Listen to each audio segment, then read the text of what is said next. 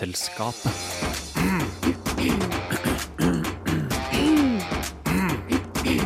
Vitenselskapet. Permanent frossen jord, gigantiske lodne skapninger og fugler med spektakulære nebb.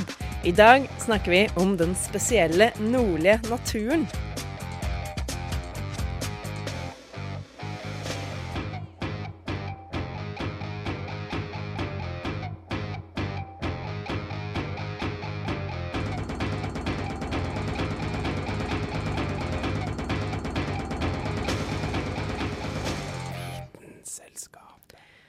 Velkommen til dagens utgave av Vitenselskapet. I dag så har vi bestemt oss for å ta opp et veldig stort og vidt tema. Eh, både geografisk og generelt, egentlig. Eh, og vi har fire stykker i studio, inkludert meg, Kristin Grydland.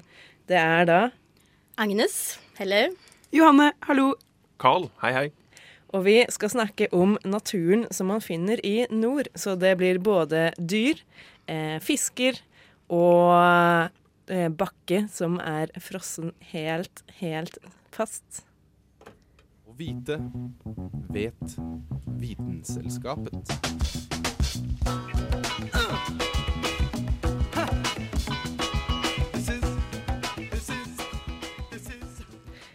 Da tenker jeg vi begynner med noe som flyr. Gjør vi ikke det, Agnes? Det stemmer. Vi starter faktisk rett på eh, lundefuglen, som eh, helt klart er en av mine favorittfugler, kanskje i hele verden. Eh, den kalles jo gjerne for sjøpapegøye, eh, og ikke uten grunn.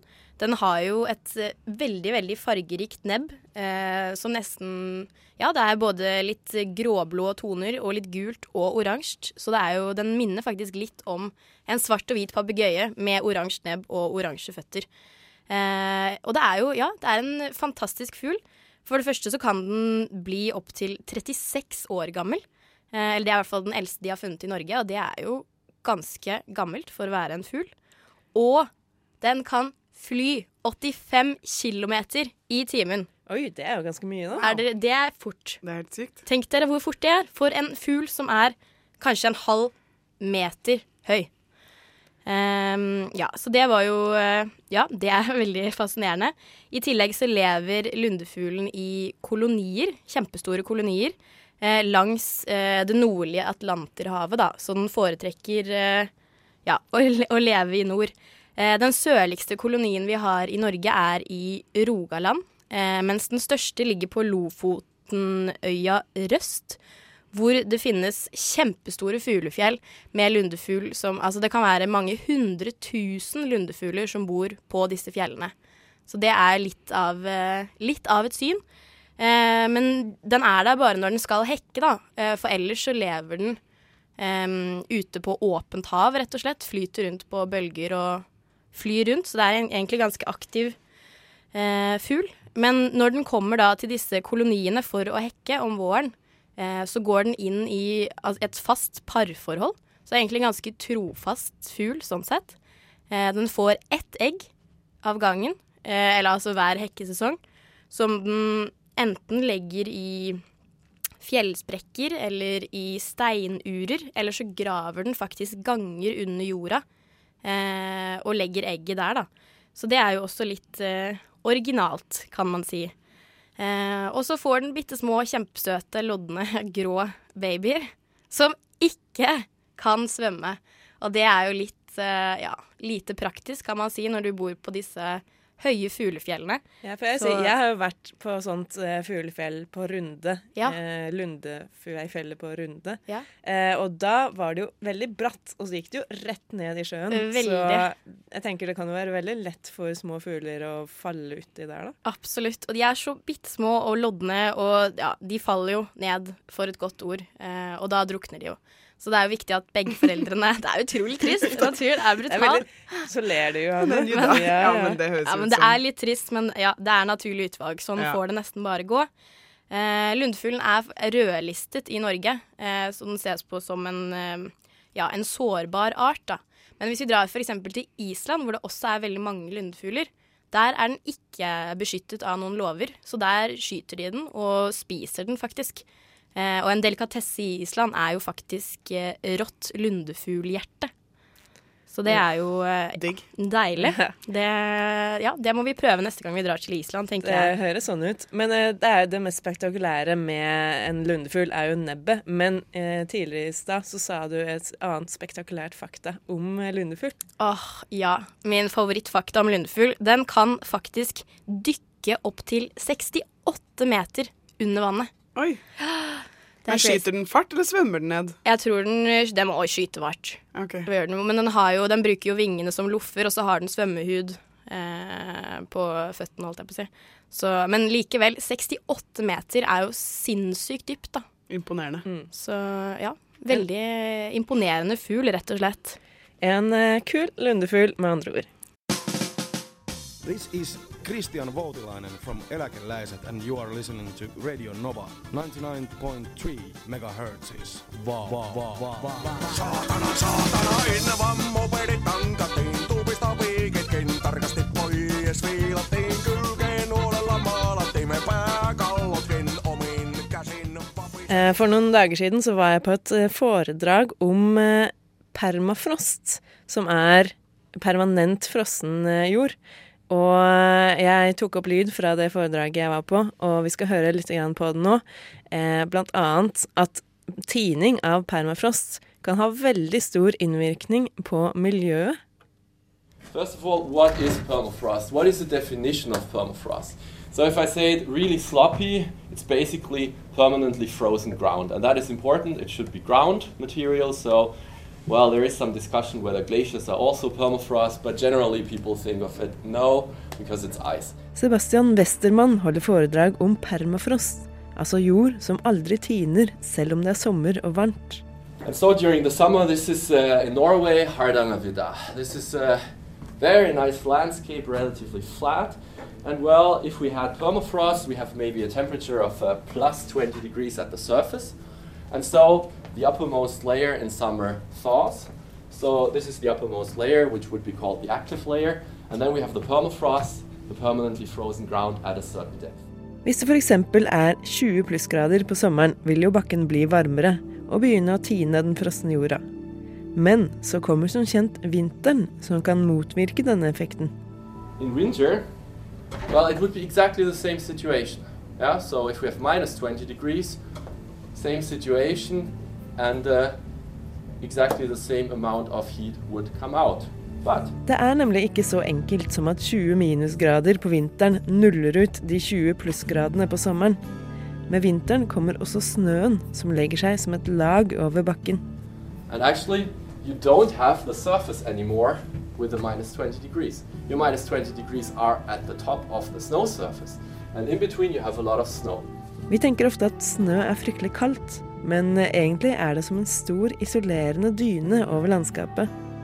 Snøen klusser med andre ord med systemet og gjør at vi må ha kaldere temperaturer om vinteren, eller snøfrie områder, om permafrosten skal opprettholdes. Men det er jo heller ikke så enkelt som dette. So this is actually a Maya area, and you see there's actually permafrost underneath here, and you see the water standing here. So if you have this active layer, by definition in summer, there will be water in there. There cannot be ice in there because it's thawed. So this active layer is water, it's a soil matrix, plants, whatever, but it's water. And what happens in winter, this is the, this is the same mire actually in winter and uh, well there's some snow in the background but in the foreground you see this area has no snow but it's quite clear in that case the active layer is frozen so the same material in summer was water plus a soil matrix and maybe some air while in winter it's ice and a soil matrix and maybe some air but now the thermal conductivity of uh, ice is much much higher than that of water so thermal conductivity of ice is something like a factor of four times higher. En vinterfrossen myr vil altså lede varmen ut av bakken temmelig effektivt, noe som gjør at man kan få permafrost under våte områder. And so, to summarize that, you can have permafrost free areas and permafrost areas coexisting at the same time in a landscape under the same climate forcing. And that is extremely important to understand some of the drivers of uh, also changes in permafrost landscapes. Permafrost er med andre ord ikke så enkelt som det kan høres ut som. Forskere som Westermann jobber med å lage modeller som viser hvor det er permafrost, og hvordan disse områdene eventuelt kommer til å tine. 50% av alt karbonet i jorda ligger nemlig i permafrostjord, og vil sannsynligvis få stor innvirkning på miljøet om det slippes ut. If the permafrost, which is like a gigantic fridge, thaws, then basically organic material which has been stored in the permafrost soils for partly thousands of years, tens of thousands of years, is actually exposed to microbial decomposition. And then what you get eventually is carbon dioxide or methane or some greenhouse gases. And uh, this is a known effect, but the only question is what is the scales? Is it big? Is it just something where a few people are interested, or is it something that mankind should be interested in? Hæla i taket med Vitenselskapet.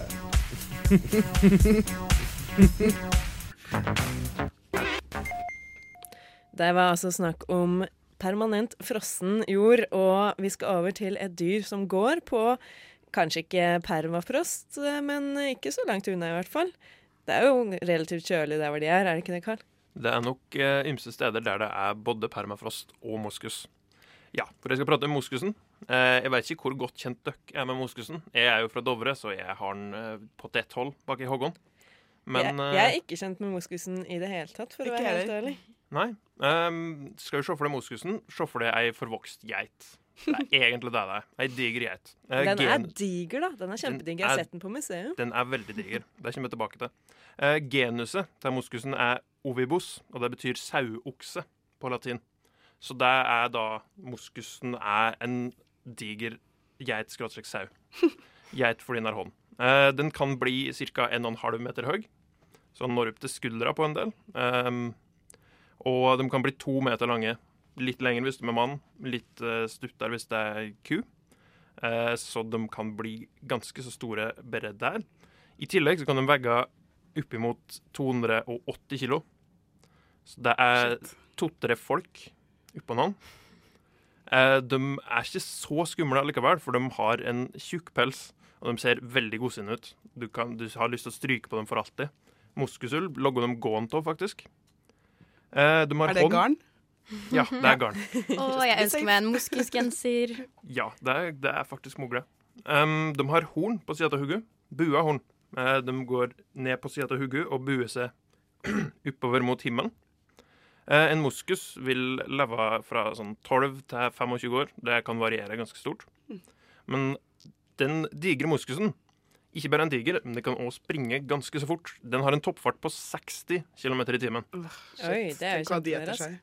Eh, menneskets eh, gjennoms- eh, raskeste menneske kan løpe, er vel 45 km i timen ca. Litt mer med hvis du er Usain Bolt. Ja, cirka noe sånt nå. Eh, jeg vet i hvert fall at jeg ikke er så nærme den, så hvis du ser en moskus, spring til sida. Litt som med snøskred. Ikke begynn å springe rett fram, spring til sida. For det oss mennesker er veldig gode til å snu. Det er ikke moskusen. Fordi den er så stor, da, og har liksom fire bein og er litt sånn mye å, mye å frakte. Det blir veldig mye momentum rett framover. Eh, moskusen, som eh, jeg nevnte, så er jeg vant med for det Dovrefjell, men moskusen levde originalt på tundraen eh, nord for tregrensa eh, rundt omkring. Så den bodde f.eks. i Canada. Men så de introduserte den ymse steder rundt omkring. I Norge, f.eks. De introduserte den på Møre i 1925, men der trivdes ikke moskusen. Så der døde den ut. De prøvde også på Svalbard, som er naturlig sted å begynne med moskus, i 1929. Eh, Det var 17 i originalbestanden. Eh, I 1940 så var de oppe i 50 stykk. Men i 1970 så var alle døde. Oi, er Det- godt kamuflert, kanskje, på Hvorfor skal de oppdrette moskus? Eh, Det er fordi at vi vil introdusere nye dyr i faunaen vår, vil jeg tro. Og Fordi det høres ut som en god idé.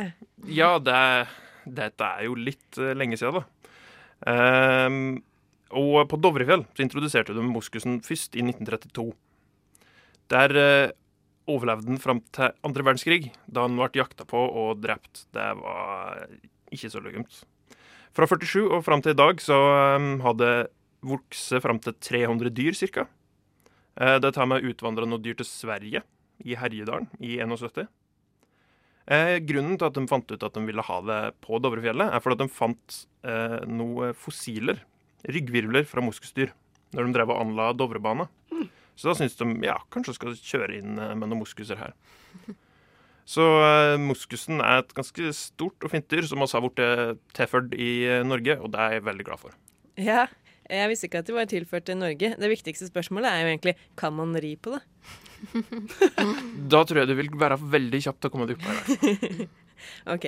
Straks så skal vi gå Under the Sea. Yay. Vis, vis, vis, vis, visste du at? Visste du at? Visste du at gravide kvinner har 50% mer blod i kroppen sin innen uke 20 av svangerskapet enn de hadde før de ble gravide? Det er fordi kroppen bygger opp et støttesystem for fosteret som skal gjøre det mulig for babyen å utvikle seg.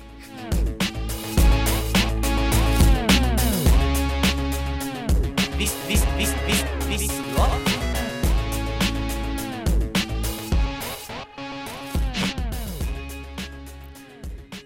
Ja, vi skal eh, altså under eh, havoverflaten til noen små boller. Eller hva, Johanne? Yes, kråkeboller lever i havet. Havet er kråkebollens hjem. Yes. Eh, Eller sjø, sjøpiggsvin. Eller sjømus, som det også er kalt. Eh, fant overraskende mye om kråkeboller. Det er et uh, hett tema.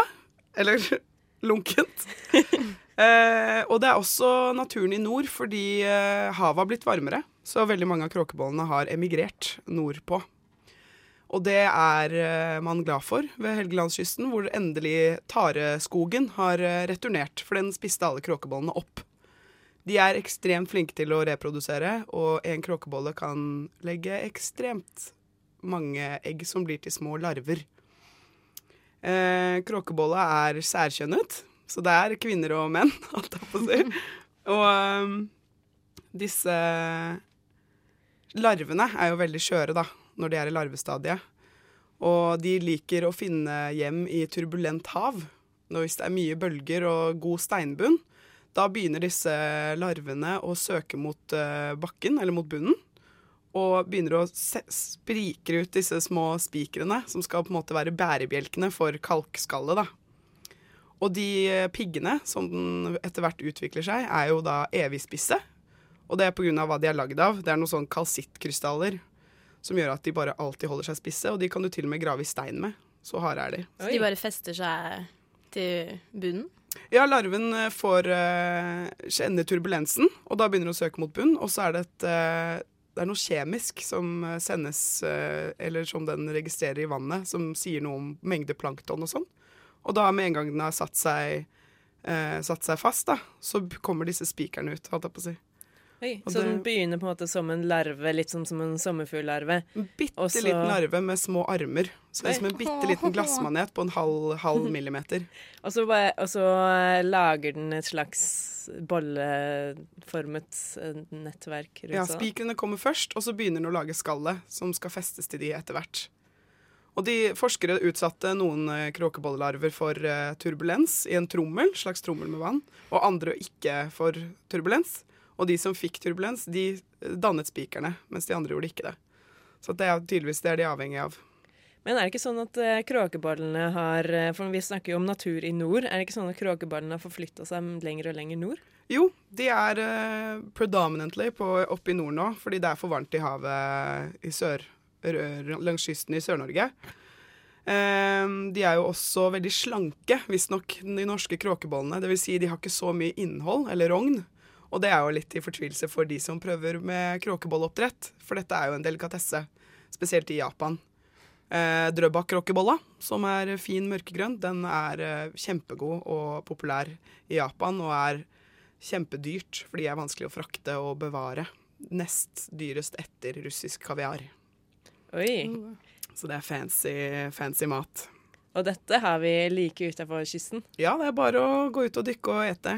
Jeg vet ikke hvordan man tilbereder det, men eh, Vi må flytte til rått, Drøbak. antar jeg. Ja. ja, tydeligvis.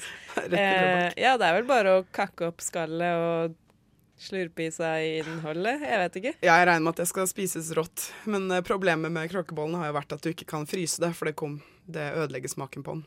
Så eh, de har forsket mye på hvordan man skal fryse de ned uten å fryse de helt ned. Ved hjelp av noe magnetisme, da. Som dette er japanere som forsker på, slik at de kan få fersk norsk drøbak kråkebolle til middag. Alt man gjør for å få en liten smak av himmelen. Ja. Vi skal snakke mer om sjø straks. Vitenselskapet. Vitenselskapet på Radio Nova.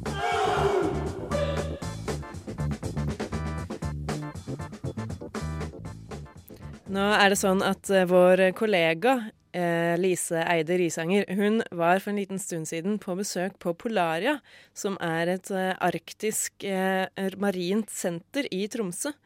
Og der har de masse fisk og sånn fra arktiske strøk.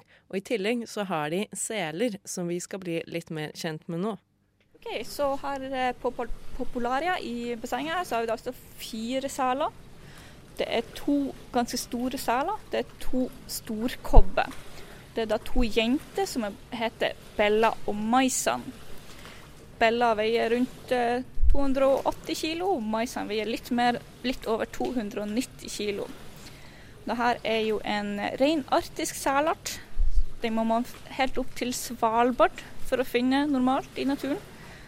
Um, det er jo en ganske stor og tung sel, så den har et mye tjukkere fettlag enn de to andre selene vi har i bassenget her. Han Loffen og Lyra, som er av arten steinkobbe. De er da fem og et halvt år gamle, og de veier mellom 60 og 70 kilo hver. Steinkobbe er en veldig vanlig art langs hele norskekysten og i Europa. Og vi finner også steinkobbe både på Svalbard og i California. Så de er litt mer eh, ja, tilpasningsdyktig. Eh, Storkobben er jo da ganske kjent for eh, de karakteristiske bartene sine, eller værhårene. På engelsk heter de jo også bearded seal, kommer av bartene. Det her er veldig eh, sensitiv, og de bruker dem for å lete etter mat. Eh, det er jo en sel som spiser eh, dyr den finner på havbunnen. Og oppe i Arktis så er det jo som kjent ikke nødvendigvis så mye lys. Og spesielt ikke under isen på bunnen på et par hundre meter. Og da er det veldig greit å ha barter som de kan eh, bruke til å finne mat. Hva gjør dere for at de skal trives i fangenskap? For at de skal trives i fangenskap, så prøver vi jo å eh, stimulere dem mest mulig. Dette er veldig intelligente dyr. Vi prøver å eh, lære dem nye atferder hele tida, så de lærer nye ting. Um, vi prøver å variere treningen mest mulig. Um, vi er på forskjellige plasser i bassenget, at det er forskjellige trenere, og at uh, selene samarbeider med forskjellige seler, eller at de er alene. Uh, vi prøver å tenke på nye ting, ikke bare hopp- og sprett-atferder, men også tenkeatferder. De er veldig flinke til å skille symboler. Hver sel har sitt symbol. Så vi kan be dem om å finne sitt symbol blant flere forskjellige andre symboler. Det er de kjempeflinke til. Så er det selvfølgelig også litt sånn, spesielt de små kan jo hoppe og sprette en del. Og bl.a. sånn her typiske delfinhopp bruker de jo i en paringssituasjon for å finne seg en partner. Eh, og det er jo noe vi gjør her også, eller at vi får dem til å hoppe litt. Og det er jo artig å se på, men eh, som sagt er jo det også en naturlig atferd for dem. Eh, Storkobben kan faktisk også hoppe. Den kan hoppe rett opp um, på en blåse som vi har hengt opp et par-tre meter over vannet her. Den kan selvfølgelig ikke nødvendigvis gjøre delfinhopp og sånt, eller hoppe gjennom ring, men um, det blir ganske stort uh, plask når de kommer uh, nesten 300 kilo hoppende opp av vannet. Isbjørn er jo da hovedpredator for eh, storkobben, isbjørn og mennesker. Isbjørn foretrekker jo hovedsakelig ringsel, så kommer storkobbe på en god andreplass. da. Så em, det er jo ofte dem som jakter på storkobben. Eh, Så har du også i Stillehavet spesielt har du spekkhogger, som gjerne spiser sel.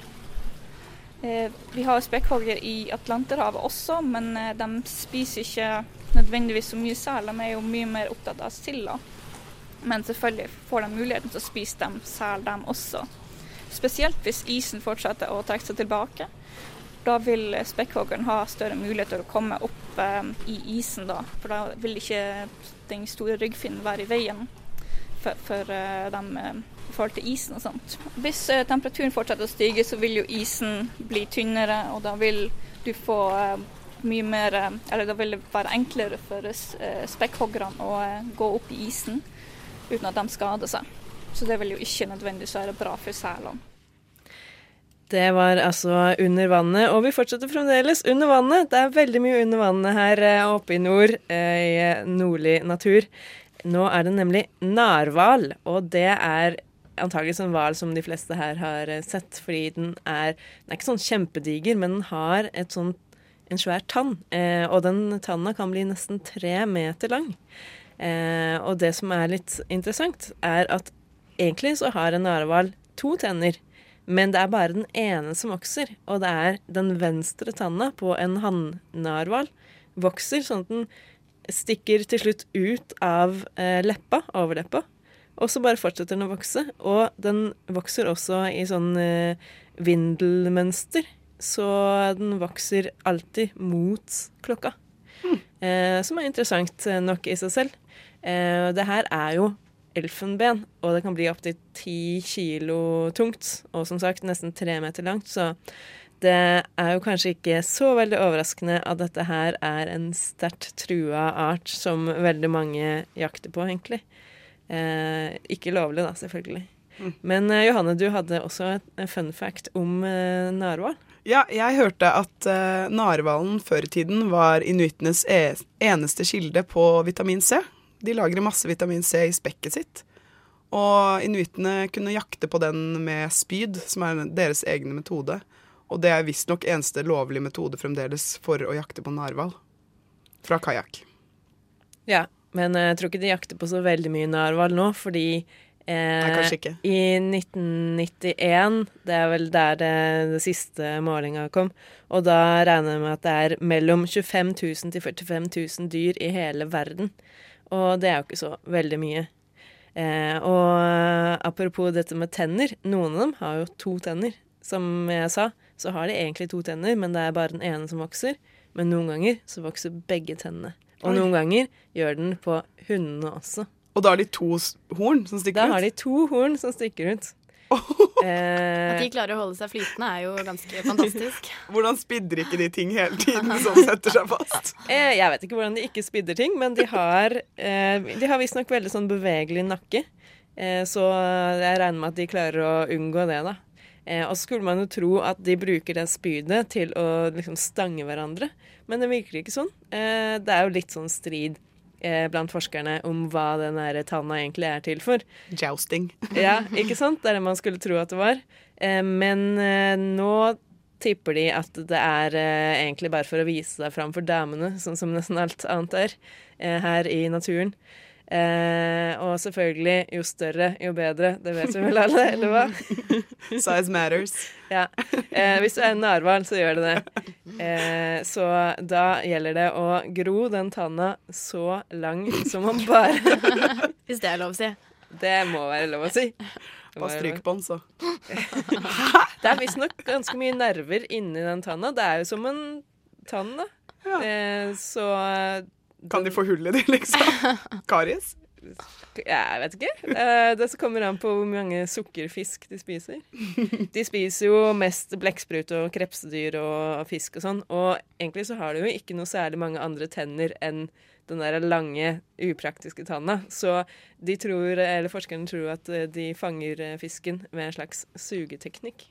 Så den går rundt, har en kjempelang tann og slurper i seg det den kan av naturen rundt.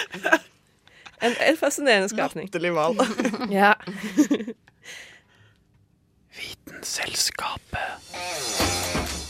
Det var dessverre alt vi rakk i dag. Eh, Det har handla om naturen i nord.